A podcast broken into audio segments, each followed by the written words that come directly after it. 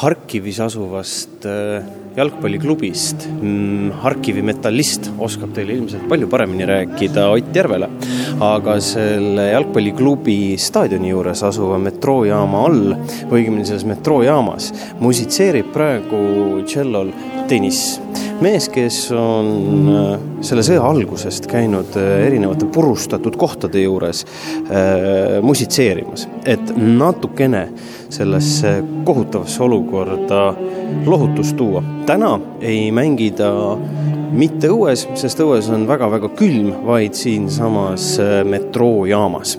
selles metroojaamas elab pilgu järgi umbes paarkümmend inimest, kahel pool on äh, metroorongid ja nendes metroorongides on nii äh, elutoad, köögid kui magamistoad. keset äh, metroojaama on ka laste niisugune pisike mänguala, kus on päris oma sõim ja, ja muidugi autod, nukud, vaibad ja muu selline ja nüüd, kui Deniss on musitseerima hakanud, tuleb nendest rongivagunitest välja ka pisut inimesi. Läheme kuulame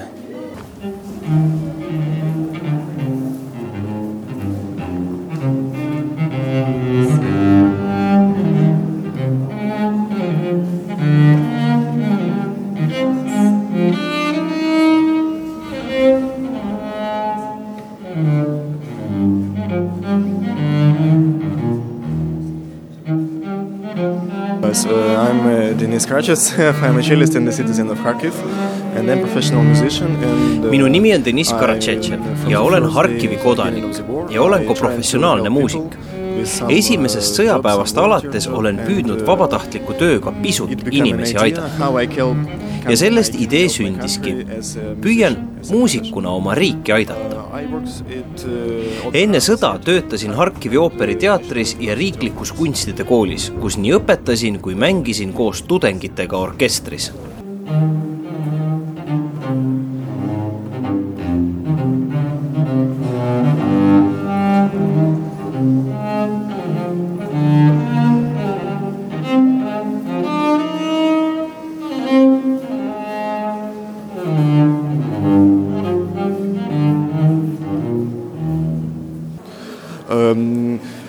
I, I want to, to, to show people uh, what the situation in Kharkiv now, and uh, I want to show the people that we have no fear and we trying to help uh, everyone. ma tahan näidata inimestele, milline on olukord uh, Harkivis praegu ja ma tahan näidata, et me ei karda uh, ja me tahame kõik omadel viisidel üksteist aidata. mõned inimesed jäävad seisma ja kuulavad mind, muusikat keset sõda praegu on oluline püüda teha tavapäraseid asju, mis meenutavad elu enne sõda.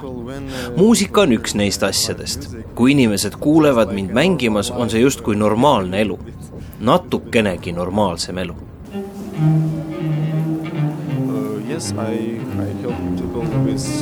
Deniss kirjeldab ka oma vabatahtlikku tööd. ma aitan inimesi transportida, mõnikord viin neile ravimeid, mõnikord toitu mu sõber, fotograaf Aleksander Ossipov, kes ka siin on, peab vabatahtlikku organisatsiooni, mis on päris suur ja püüan ka teda selles aidata.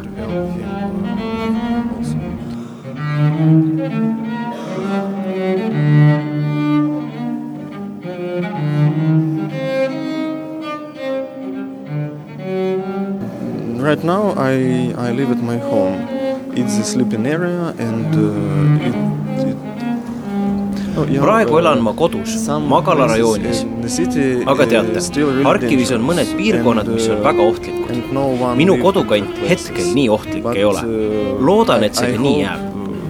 siiski on Harkivis ikka veel ohtlikku paiku. Mõned päevad tagasi nägin mürsu tabamust väga lähedalt muide, sellest rünnakust on Denissi autol ka jäljed, kus mürsukild on auto keresse augu teinud.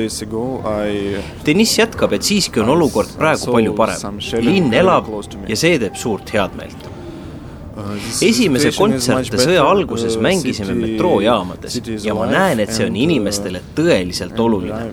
ma näen naeratusi ja päris ehedaid emotsioone ja see teeb mind omakorda õnnelikuks. küsimusele, kuidas sõda lõpeb, ütleb Deniss. me läheme võiduka lõpuni, muidugi.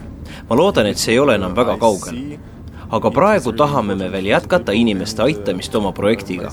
ja siis naaseme oma tavapärase töö ja normaalse elu juurde. ma tõesti loodan nii olgu siia lõppu öeldud, et sedasama piirkonda, kus asub Metallisti staadion, pommitati vaid mõned tunnid hiljem. selles rünnakus sai viga vähemalt kakskümmend neli ja surma vähemalt kolm inimest